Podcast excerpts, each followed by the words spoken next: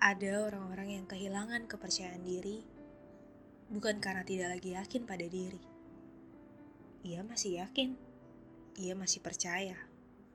Namun, segalanya perlahan habis digerus kenyataan. Kenyataan yang tidak pernah berpihak, kenyataan yang selalu menjatuhkan, kenyataan yang kadang membuat rasa ingin marah meluap-luap berteriak mengapa hidup tidak adil, berteriak kapan tiba giliran senang. Pernah tidak? Kamu juga merasakan hal yang sama. Hela napas rasanya sudah jadi beban paling berat yang diterima. Tidur tidak pernah dirasa cukup.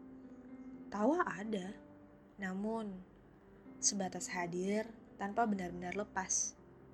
Karena yaitu tadi Sekembalinya ke dalam kamar, ke ruang overthinking milik pribadi, semua kecewa lagi-lagi memeluk.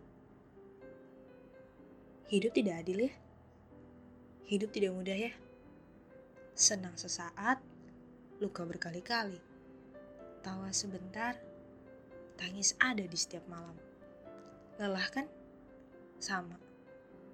Semua juga pernah dan mungkin masih mengalami tidak terkecuali siapa pun yang ada di dunia.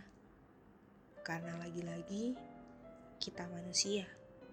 Dan lagi-lagi hidup tetap harus dijalani dengan perasaan-perasaan itu kan?